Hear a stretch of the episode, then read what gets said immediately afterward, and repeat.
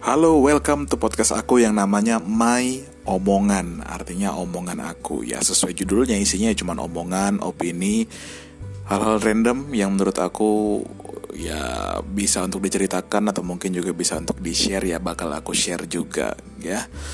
Dan ya selamat menikmati lah intinya. Kalau ada yang gak senang langsung aja email Atau mungkin langsung kontak aku. Semua kontaknya ada di sana juga. Enjoy.